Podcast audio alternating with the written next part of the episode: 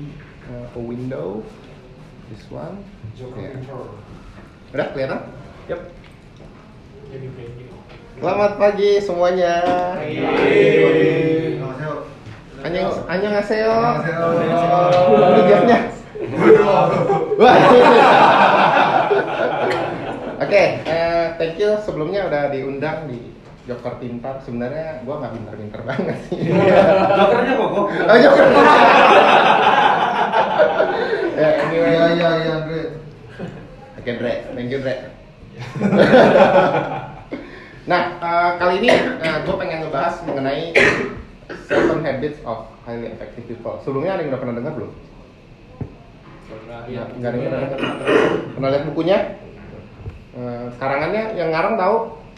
Wah. Nah, ini Stephen McAfee. Eh, orangnya botak-botak itu gundul, terus udah meninggal sih. Terus gue dapat eh, materi ini tuh kemarin sekitar beberapa bulan yang lalu lah eh, dapat training gitu. Jadi Seven Habits ini dibawain selama training materinya itu selama tiga hari. Jadi eh, karena gue cuma punya waktu 15 menit di Joker Pintar, gue mungkin eh, pengen going through eh, sebagian aja.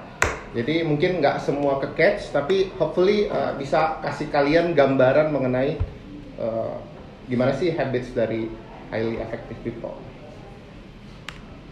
Oke, Oke, masuk. Nah, si jadi gue dapat training tuh sekitar tiga hari eh, bersama para leaders leaders yang lainnya sih.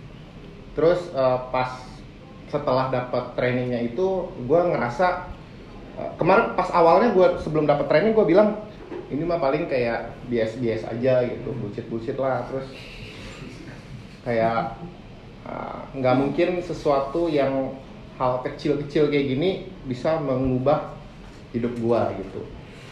Tapi pas ketika udah selesai gue baru kayak ngerasa eh, wah eh, setelah mendapatkan ini kok gue jadi pengen melakukan sesuatu terus gitu. Maksudnya kayak untuk mengubah hidup gua gitu.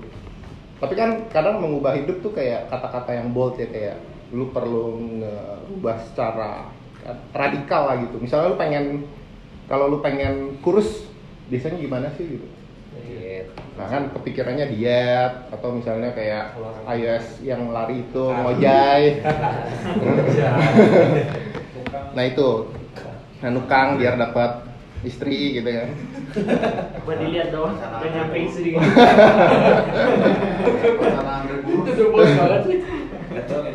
Nah itu eh, ternyata ketika gue sudah mendapatkan materi ini, gue ngerasa ada perubahan sih di diri gue walaupun eh, nggak terlalu nggak terlalu yang apa namanya kelihatan banget, tapi gue ngerasa something change in me gitu. Dan gue ngeliat eh, ternyata Seven Habits ini gue bisa temuin di orang-orang yang eh, kayak let's say peers gue yang benar-benar gue lihat eh, perform lah gitu. Jadi mereka tuh ya misalnya Eriko gitu. Mungkin Eriko, mungkin Eriko eh, secara nggak langsung gitu eh, menerapkan eh, habit-habit yang bagus itu gitu. Oke, lanjut dulu. Oke, kenapa habits? Ada yang tahu nggak habits itu apa? Kebiasaan. Kebiasaan. Eh, B, kebiasaan. Maksudnya kebiasaan tuh gimana sih? melakukan hal tersebut secara repetitif. berulang-ulang repetitif. repetitif oke nah ada satu lagi elemennya jadi kan eh, dilakukan secara berulang-ulang secara reguler sampai akhirnya eh, mempengaruhi alam bawah sadar kita dan hal itu dilakukan secara otomatis nah itu yang namanya habits contohnya eh, eh, ini yang gue pribadi sih. Gue gue kemarin disuruh catat namanya mission statement gue terus gue catat gue pengen kaya nih misalnya gue pengen kaya dalam waktu misalnya 10 tahun gitu. Eh, terus eh, secara nggak langsung gue tuh kayak walaupun nggak setiap setiap habits gue tuh nggak selalu merujuk ke situ gitu tapi karena gue udah ngebangun gitu udah gue ngebiasain gitu gue secara otomatis kayak contohnya gue mm, belajar mengenai investment itu. Terus gue coba masuk uh, ke ranah uh, dulu dulu main Fer ingat nggak? Dulu kita main apa? Cryptocurrency gitu. Nah itu benar-benar kayak korbannya di sini berarti. Kita doang juga. Masa-masa gua- Nah itu Iya, itu benar-benar dari Iya. eh, dari gue secara nggak sadar juga ngebangun habit itu sih karena gue gue punya eh, goalnya adalah gue pengen kaya gitu. Ya gimana gitu turunannya? Oh, ternyata coba coba main investment ternyata malah rugi berat gitu. Ya, gimana? Oke, eh, terus juga nanti eh, di sesi-sesi gua ini gue pengen eh, kita semacam diskusi aja sih. Jadi gue bakal nampilin video-video, terus kita ngediskusin ini bener gak sih gitu. Ini menurut kalian gimana gitu ya? Ah, kan udah mulai. Jadi gue nampilin video-video aja sih. Oke, ini salah satu videonya. Ah, nggak keluar suara. Remote, remote, remote, remote.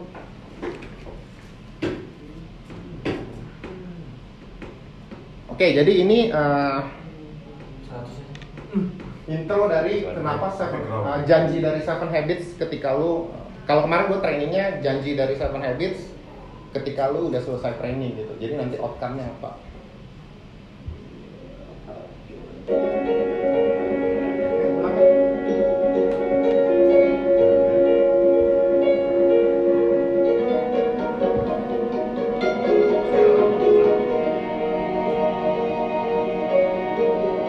are powerful forces in our lives. They determine our level of effectiveness or ineffectiveness.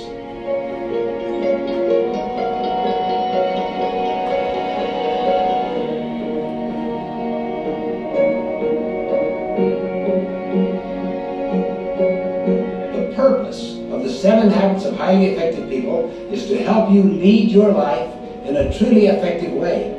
They represent a proven process of personal and interpersonal growth that can have both immediate and lasting impact. Gendut. Ini yang ngarang bukunya. Oh enggak.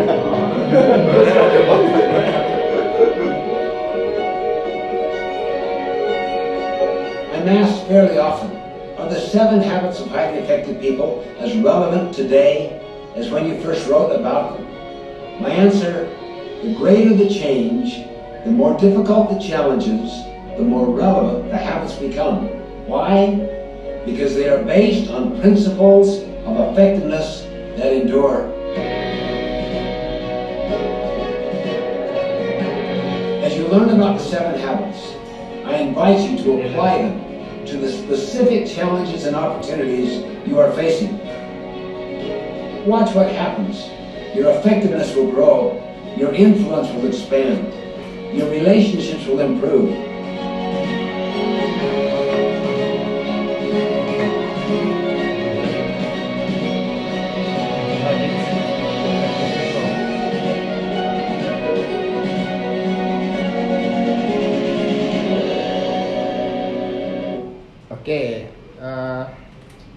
Menurut teman-teman dari sini eh, ada yang menarik nggak dari sini?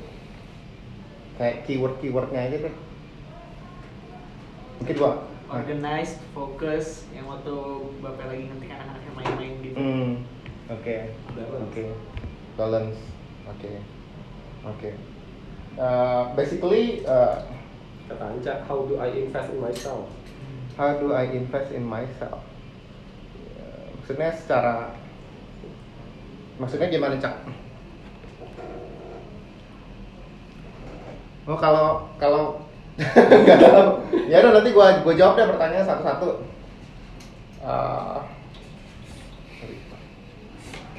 Masih?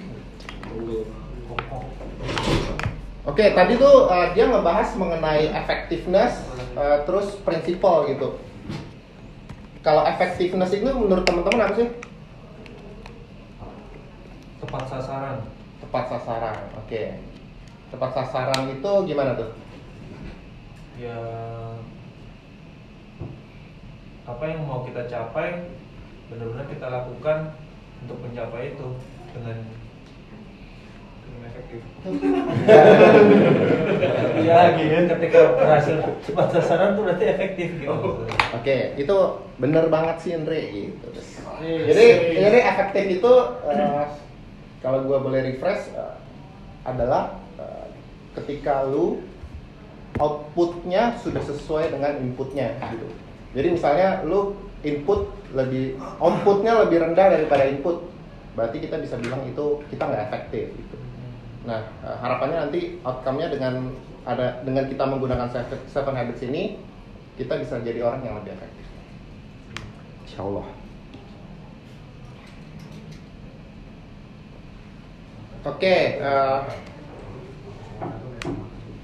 nah, eh, kalau kita lihat di di di slide selanjutnya eh, diceritakan bahwa banyak literatur yang 200 tahun terakhir itu eh, berkutat kepada eh, personality ethics aja gitu. Nah, padahal sebenarnya rootsnya itu adalah karakter ethics. Personality ethics itu adalah eh, gimana kalian terlihat dari luar gitu. Misalnya contohnya kayak eh, gimana kalian terlihat lebih pintar atau kalian terlihat eh, lebih eh, kaya misalnya, terlihat gitu kan. Itu personality. Personality ethics. Terus kalian juga eh, gimana caranya yang terlihat di luar daun-daun Yes, itu. yes, image-nya gitu. Ini ya. Tapi sebenarnya yang yang lebih endure, yang yang bakal lebih banyak dibahas di sini adalah uh, karakter etiknya. Gim- Gimana orang dari dalam itu uh, bisa lebih fokus ke hal-hal yang uh, routine, yang, mengakar, misalnya karakter-karakter seperti integrity, terus fokus, reliability, responsibility, yang kayak gitu. Jadi nanti uh, ini bukan buku yang kayak sorry bukan buku. Ya buku atau training yang ngajarin kita gimana caranya terlihat pintar gitu. Tapi yang uh, lebih yang lebih mengakar prinsipal. Oke. Oke. Nah uh, di sini juga dijelasin mengenai konsep namanya uh, paradigms. Ada yang pernah tahu nggak paradigms paradigma bahasa Indonesia nah, para Orang pandang. ah, para, para- paradigma itu adalah uh, benar cara pandang, terus uh, cara kita melihat dunia, cara kita menciptakan uh, mental image. Jadi uh, kalau kita lihat di sini uh, apa yang kita lihat akan mempengaruhi apa yang kita lakukan dan apa yang kita lakukan akan mempengaruhi apa yang kita dapat. gitu. Nah ini apa yang kita dapat lagi akan mempengaruhi cara kita melihat lagi. Jadi kayak uh, berputar-putar lah. Masuk. Gimana? Karma. Vicious Iya. cycle. Apa bulan puasa doang. Itu kurma. Nah contohnya, contohnya misalnya eh, eh, Andre nih lagi ngelihat hmm, gimana ya Jessica. Jessica gitu. Terus ngelihat eh, wah Jessica eh, susah banget nih didapetin dia terlalu cantik. Misalnya gitu ya, misalnya gitu ya. Misalnya. Terus akhirnya karena karena karena Andre memandangnya seperti itu, ya dia nggak nggak ngelakuin apa-apa gitu. Mau ngobrol takut gitu. Terus? JPR duluan. Udah jiper duluan gitu. Do-nya tuh udah jiper duluan. Mau ngajak ngopi takut gitu. Nah hasilnya ya nggak bakal nggak bakal jadian lah sama Jessica gitu kan. Cuma bisa sih doang. Iya. Nih andai andai si Andre eh, memiliki paradigma yang berbeda gitu. Misalnya ngelihat, oh Jessica gampang didapat, gue lebih ganteng gitu kan. Biasa. Nah, bisa. Pasti kan action yang dilakukan itu nggak nggak ya lu bakal ngajak dia ngopi, bakal ngajak dia ke ke hotel. Outing, outing. Outing. Outing. Outing. Iya. Nah, itu saking segitunya eh, paradigma bisa me- me- apa namanya merubah hasil yang kita dapat. Nah, eventually eh, paradigma ini yang akan ngebentuk habits kita sih. Jadi kayak eh, ya ini penting banget. Jadi nanti bakal dibahas di next next eh, sessionnya. Eh, Oke. Eh, dikit ya, gua setel video ya. Soalnya gue di training diginiin terus ngobrol dikit, setel video, ngobrol dikit, setel video.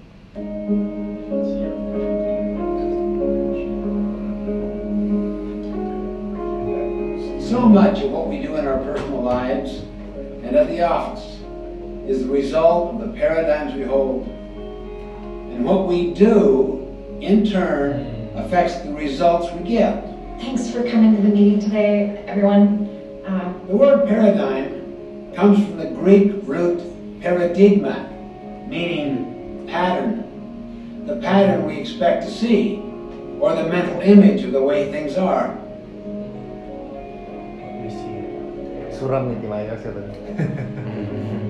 We see everything through the perspective of our own paradigm.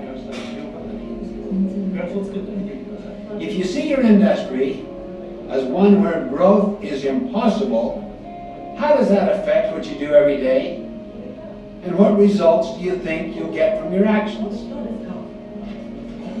On the other hand, suppose you saw unlimited prospects for growth in your industry. How would that change your actions? What we see, our paradigms, determine what we do, which in turn determines what we get. And unless we consciously stand apart from and examine our paradigms, we might never see that perhaps many of them are distorted, short sighted, or just flat out wrong. I remember a mini paradigm shift I experienced one Sunday morning on a subway in New York City. People were sitting very quietly, some reading, some resting with their eyes closed. Suddenly, a man and his children entered the subway car. The children ran yelling to the car, throwing things, grabbing people's newspapers. Their father sat down near me and closed his eyes and did nothing. I felt irritated. I could not believe he would let his children run wild like that. After a few minutes of patience and restraint, I turned to him and said, Sir, your children are really disturbing a lot of people. I wonder if you could control them just a little more. Yeah, you're right. I should do something. But we just came from the hospital where their mother died about an hour ago, I guess they don't know how to handle it. Because I don't know how to handle it. Can you imagine how I felt at that moment? My paradigm shifted. Suddenly I saw things differently. And because I saw differently, I thought differently. I felt differently. I acted differently. My irritation vanished. Compassion flowed freely. I wanted to help instead of criticizing and complaining. Once you see things as they really are, you'll think, feel, and act differently. And you'll do it automatically, spontaneously. Can you see why paradigms are deeper than attitudes and behavior?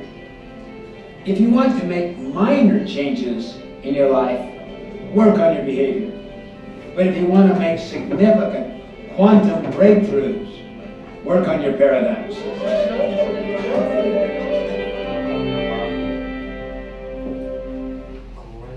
Nah, eh, kalau tadi kan kita udah ngomongin mengenai paradigm dan eh, kenapa itu penting banget gitu. Terus kayak tadi Stephen McCovey kayak ngerasa oh paradigm itu bisa ngerubah eh, totally different mengenai how they see the situation. Oke, eh, masuk ke intinya. Jadi ada konsep namanya maturity continuum. Jadi ini basically eh, gua kas- gua kasih lihat aja nama apa grafnya. Nah jadi uh, maturity, maturity continuum itu ini, jadi seven habits itu ada tujuh sesuai namanya. Jadi eh, sesuai jadi ada ada beberapa tahap. Eh, ada yang private victory pertama. Eh, yang ini berhubungan dengan eh, gimana caranya naikin dari lu yang tadinya dependent ke orang menjadi seseorang yang independen Uh, keren. yang nggak tergantung sama orang. Jadi ini adalah private victory. Terus nanti ada uh, selanjutnya adalah namanya public victory. Dari independence ke interdependence. apa tuh Uh, Interdependence apa interdependence itu kayak kalau kalau kalau kalau dependence kan uh, bergantung bergantung sama orang. Kalau independent kan Tidak lu udah tidak bergantung. Kalau interdependence itu lu melakukannya bersama-sama. Jadi uh, individual individu bukan bukan dependent sih. Individual individual itu uh, uh, melakukannya bersama-sama gitu. Jadi yang udah dependence, yang udah independent itu melakukan hal bersama-sama oh Oh, gitu. Terus nanti yang terakhir ada yang habits ketujuh namanya share from the soul. Jadi kalau udah uh, private victory, public victory, uh, lu harus melakukan uh, share from the soul. Jadi uh, kan ada tujuh, masing-masing tuh ada gayanya masing-masing gitu. Kayak contohnya uh, kemarin gue diajarin be proactive gitu, ada gayanya be proactive. Gitu gitulah, Oh. aneh banget lah. kayak outing Kayak outing. Oke, eh, ke yang pertama eh, habits yang pertama namanya be proactive. Eh, ada yang tahu nggak proactive itu apa? ya inisiatif Inisiatif, mensuarakan diri. Suarakan diri. Oke, lawannya apa? Inaktif. Pasif. Reaktif. konaktif Reaktif. Nah, Jeff udah baca bukunya soalnya. Reaktif. oh proaktif tuh lawannya reaktif Ya. Programming. Oke. eh, oh Kita pakai proaktif. Nah, bedanya proaktif sama reaktif itu apa sih? Eh, kalau proaktif itu kayak mm, punya punya apa ya namanya ya? eh, kemampuan untuk membuat keputusan sendiri tanpa dipengaruhi oleh eh, kondisi dari luar gitu. Jadi ketika dia membuat keputusan tuh bukan hanya di affecting oleh dari luar, tapi benar-benar dari dalam dengan sadar dia membuat keputusan. Nah ini contohnya adalah eh, ada stimulus, terus ada respon. Di sini di tengah ada freedom to choose. Nah di sini ada self awareness, imagination, con- conscience, independent will gitu. Nah ini eh, ini totally free buat kita untuk eh, act as a proactive or as a reactive person. Aduh aduh. Nah ini ada ada uh, graf yang menarik. Jadi ini dibahas uh, suatu apa secara spesial sih. Namanya adalah circle of influence. Uh, ini yang membedakan antara si proaktif sama yang reaktif. Nah, uh, yang warna merah ini adalah uh, circle of concern namanya.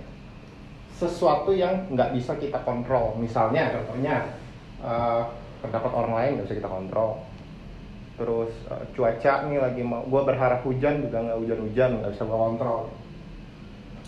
Terus uh, kalau yang biru adalah circle of influence.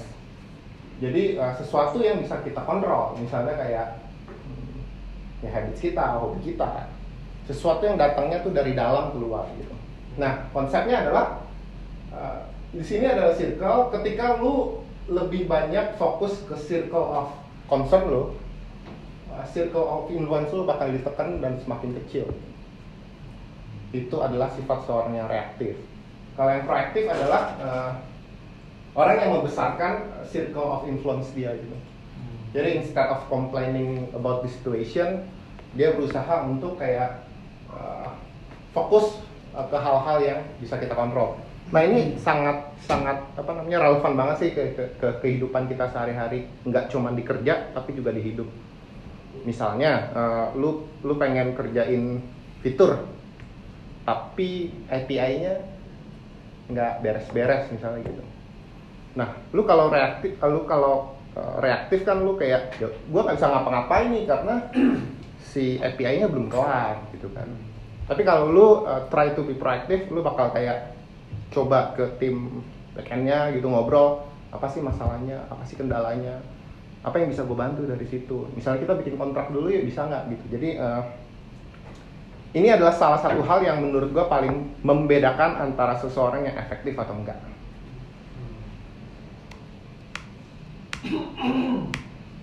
Nah, eh, ini ini yang pertama eh, kondisi mempengaruhi behavior, yang itu reaktif. Kalau yang proaktif adalah eh, decision yang mempengaruhi behavior. Yang kita yang kita diharapkan adalah eh, decision yang mempengaruhi behavior. Jadi kondisi itu yang mempengaruhi kita, cuman nggak sebesar eh, apa yang kita tentukan sendiri. Nah, eh, ini adalah beberapa language-language yang dari orang-orang yang sifatnya proaktif sih. Kayak, Gua nggak bisa. ya, Proaktif. Oh, that. Oh ini yang reaktif ke kiri ya. oh ya, ini reaktif, ini proaktif, Oh, gitu. Make sense ya? Make sense nggak?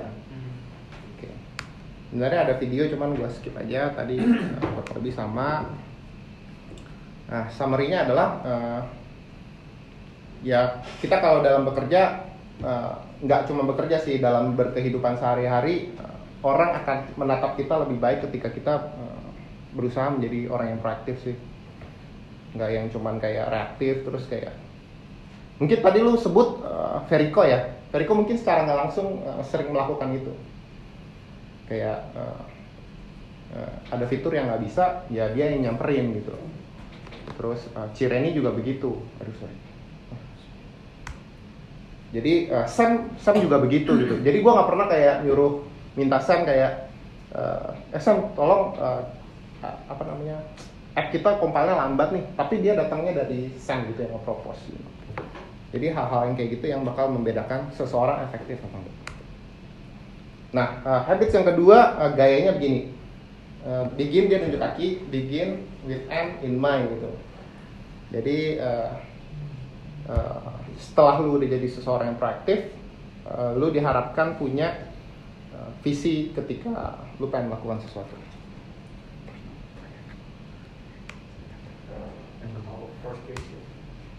Uh, uh, Joker pintar. Baru baru sesi pertama kayaknya ini deh. Gua sorry banget karena waktunya mepet jadi mungkin nanti uh, Ada Sesi kedua, sesi kedua. ini ini seven habits gue dapat tiga hari tapi gue disuruh rangkum 15 menit Iya. uh, akhirnya baru dapat habit satu Bersambung lagi bersambung lagi uh, Sambung. next time ya thank you all Jadi Yeay. ada part dua kan? Ada part dua. Ada, ada, Ada, ada, Nanti ada. part-part selanjutnya. Tujuh empat. jangan bosan ya Jangan bosan. Oke, nah next kita kedatangan orang produk di sini. Tanya. Jadi Garda ini tim produk dari squadnya PG Physical Goods sekarang namanya, udah keren ya. Terus sekarang di sini Garda ngapain? Jadi Gue ngapain ya? Garda di sini tuh mau ikut sharing. Jadi Garda pengen share tentang produk 101. Jadi dia ke sini bukan ngasih tas, jadi kayak jam, jadi nggak usah takut. Sini bukan bawa tiket. Abis ini ya? Udah bangun implementasi ya. Nah, sebenarnya tujuannya apa sih? Jadi biar teori dulu. biar kita juga sama-sama ngerti dari produk itu cara mikirnya gimana. Biar kita bisa support mereka juga. Gitu. Nah, mungkin lu bisa Langsung kenalin diri dulu dikit karena belum semua kenal sama seorang Garda. Oke. Pakai ini aja. Ya, apa? Mic.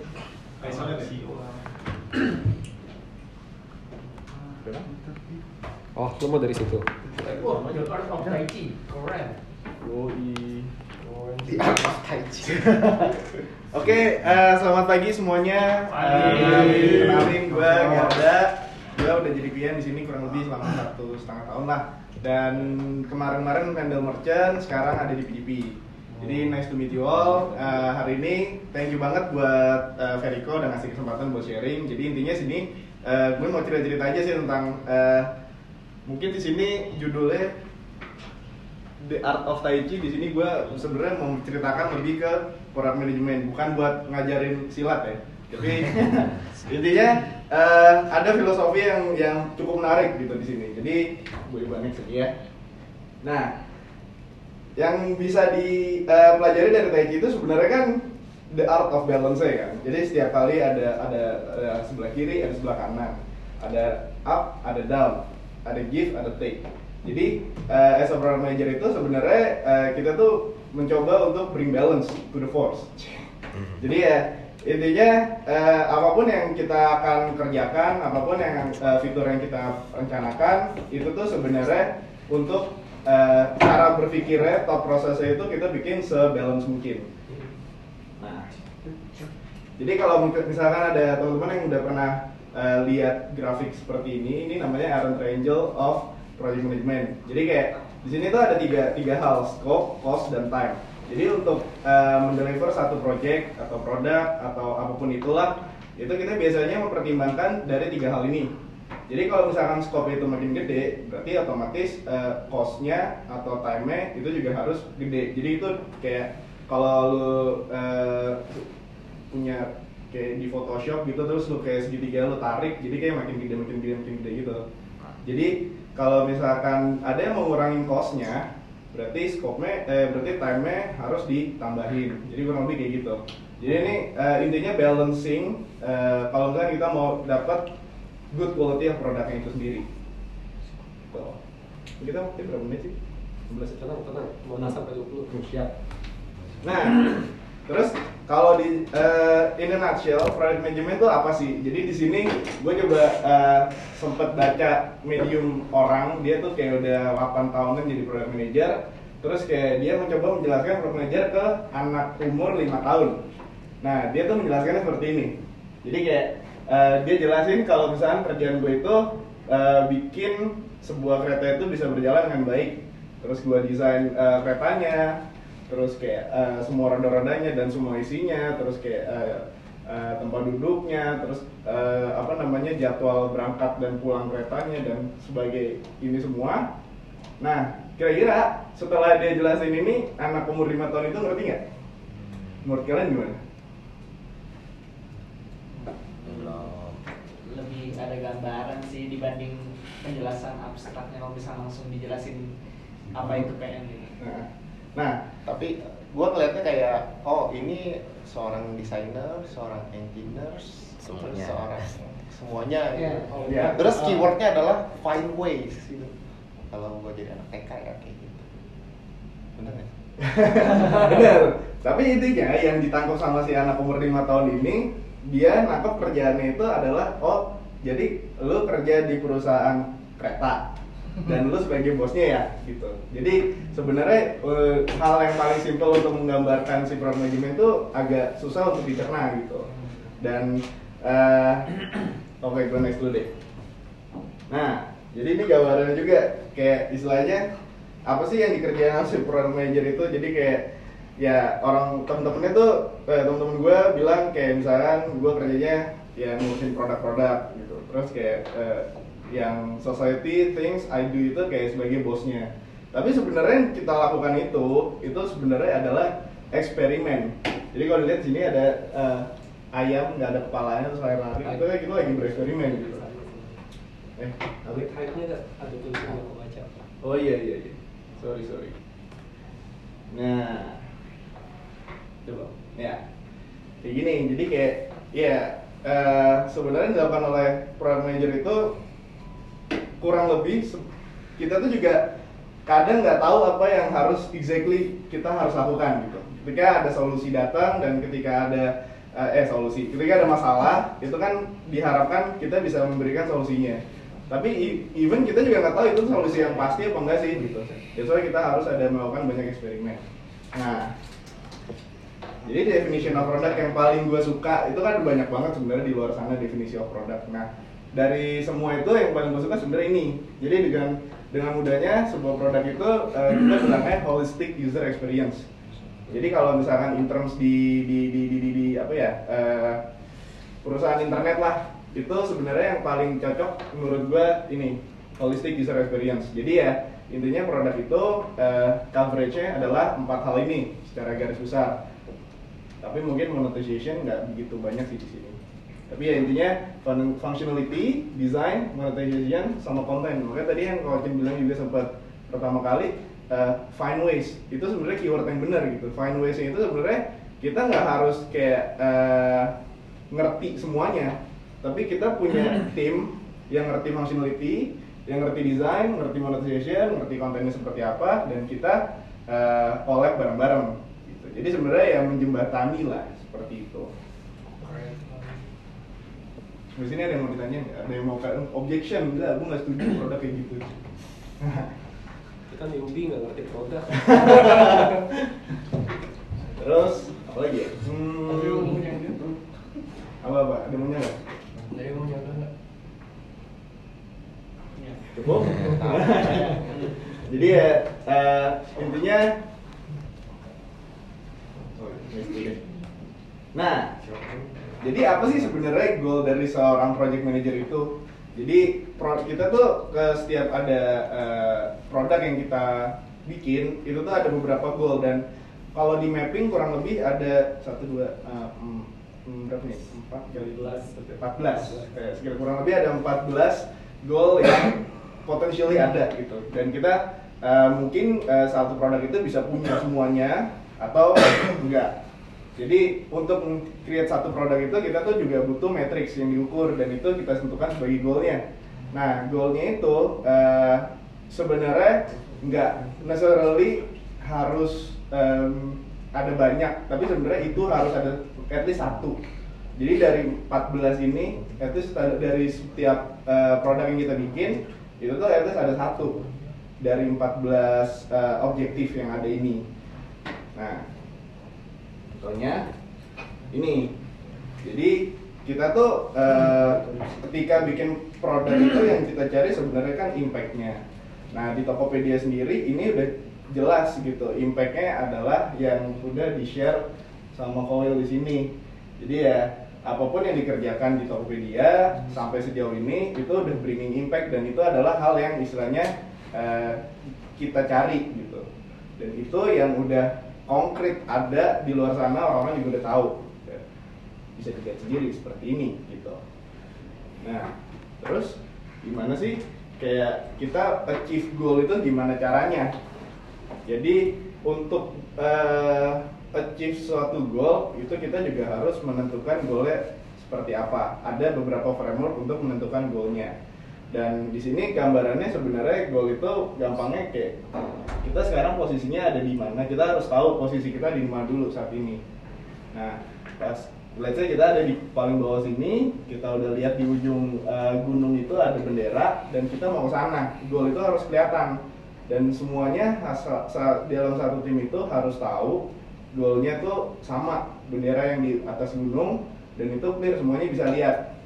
Tuh dan untuk mencapai ke sana itu ada beberapa milestone. Dan eh, tugas seorang product manager itu adalah mereka create si milestone milestone itu. Jadi bisa dilihat di sini ada belokan-belokan ada batu-batu. Ini tuh sebenarnya milestone gambarannya. Jadi di sini kita kasih lihat nih oh milestone pertama di sini ya dan semuanya akan sepaham. Dan kita akan nyampe milestone itu satu dua tiga empat baru nyampe ke atas. Jadi sebenarnya eh, goal yang diciptakan itu harus bisa achievable Nah, itu eh, juga salah satu tugasnya product manager. Tuh. Jadi goal kriterianya yang pertama itu harus to be clear. Kalau ada numbersnya, numbersnya ditulis. When, who, dan what-nya juga harus jelas. Terus punya beberapa milestone biar itu terasa kayak oh gue bergerak, gue bergerak menuju goal gue gitu. Dan eh, identify what are the leading indicators-nya sama identify team instrument. Jadi kayak seorang product manager juga harus bisa eh, bikin timnya itu bisa bergeraknya secara sinergi nyambung gitu buat jalan bareng-bareng.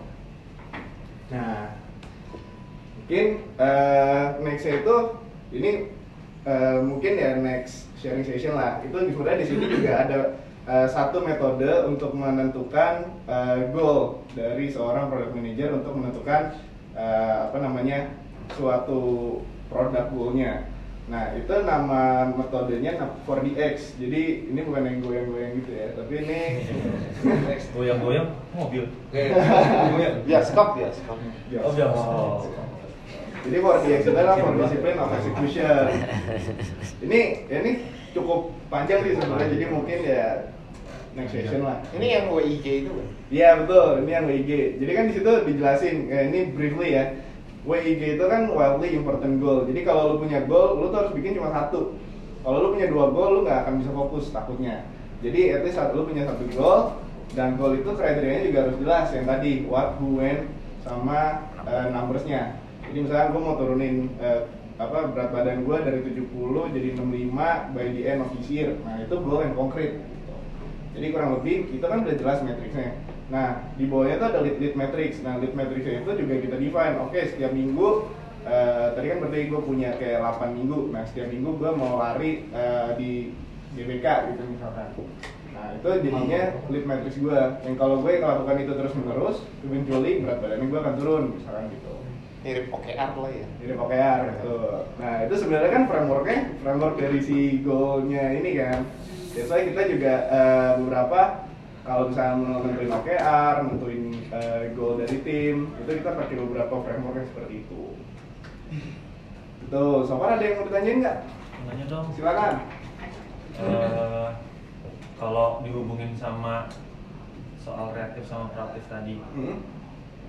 kalau kita kan sekarang produk udah ada, Hmm. dia meskipun banyak yang bisa dieksplor. Betul.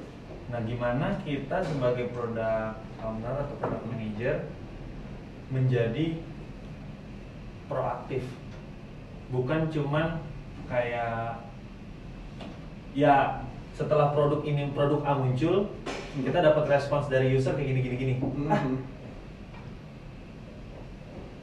bagus bikin produk yang model kayak gini nih akhirnya Mm-mm. karena nggak tahu ya gue bisa itu bisa dibilang kreatif nggak ya kalau cuman karena kayak gitu Oke, eh, ada beberapa yang bisa diambil sih sebenarnya. Hmm. Kadang kalau misalkan eh, kalau di merchant tuh sering kayak gitu. Jadi kita punya kayak satu grup isinya tuh merchant top seller.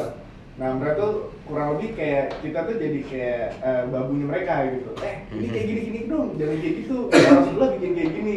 Nah itu sering banget kayak gitu. Jadi ya kita tuh PM PM-nya kayak eh, se- quote unquote kayak disuruh-suruh gitu sama mereka. Karena kan mereka ya udah lama uh, jualan di Topet kan. Terus kayak mereka kayak uh, punya komunitas yang kayak udah punya uh, apa data-datanya lah kayak gitu.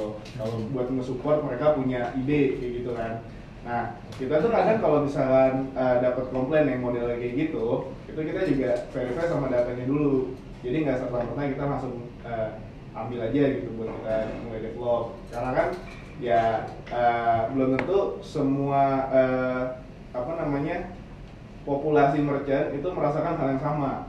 Mungkin kan populasi yang dia uh, omongin itu cuma top top seller doang, yang itu udah banyak. Nah, gimana seller-seller yang istilahnya cuma uh, seller-seller kecil baru kayak join dua bulan lalu, sebulan yang lalu, itu kan kayak mungkin uh, Pareto ya kurang lebih ya 20% itu ya udah uh, seller lama, 80% itu seller baru. Jadi kalau misalkan kita menangin yang 20% ini, mungkin yang 80% nya akan suffer kayak gitu. Jadi ada beberapa pertimbangan dan mostly kita mempertimbangkan itu dengan data. Gitu. Jadi kalau misalkan kita mau bilang secara proaktif atau enggak, eh, balik dulu sih sebenarnya ke objektifnya. Kita mau achieve apa? berarti kebanyakan kita sekarang react terhadap data gitu ya Nah, proaktifnya bisa dibilang ngumpulin datanya. oh.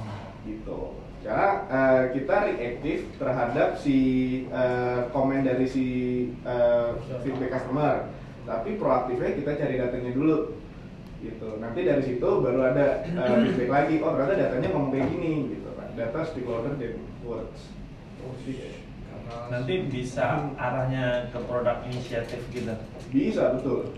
Kayak yang tapi yang brand new maksud gua. Oh produk baru gitu. Hmm.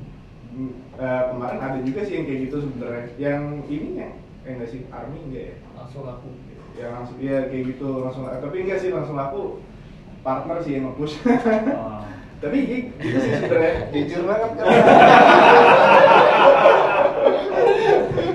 Fix. ya ya begitu sih kurang lebih. Ya ada beberapa yang eh, barang-barang baru itu eh, hasil inovasi dari internal. Macam coba telur. buat eh, apa namanya bikin Terus yang invite invite. eh, barang-barang baru gitu kan tapi ada Grab, juga yang kayak Shopee, kok apa yang fokus terus kita kayak ada eh, target TPV masih jauh jadi kita harus cari yang benar-benar profitable apa gimana gitu gitu sih.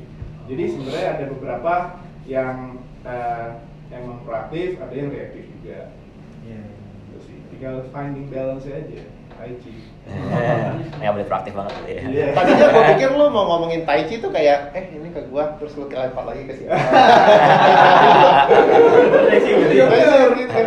Itu kan biasanya kalau case kayak gitu eh, kita lihat dari sisi impact-nya. Oh ini impact-nya nggak ada di gua nih, impact-nya banyak kan di lu. Jadi ya di resource lu aja deh yang ngerjain gitu. Iya. gitu. Ada lagi? Ini masih ada ya? Jadi PM gua. Oh udah. Wah siap. Jadi PM gue. Kursi militan. Masih Oke, kalau nggak ada, eh, mungkin be mindful of time, udah jam 11 juga. Eh, thank you so much semuanya. Thank you, Karna. Someday ya itu. Keren sekali. Ini direkam. Bisa nih ada lagi kan.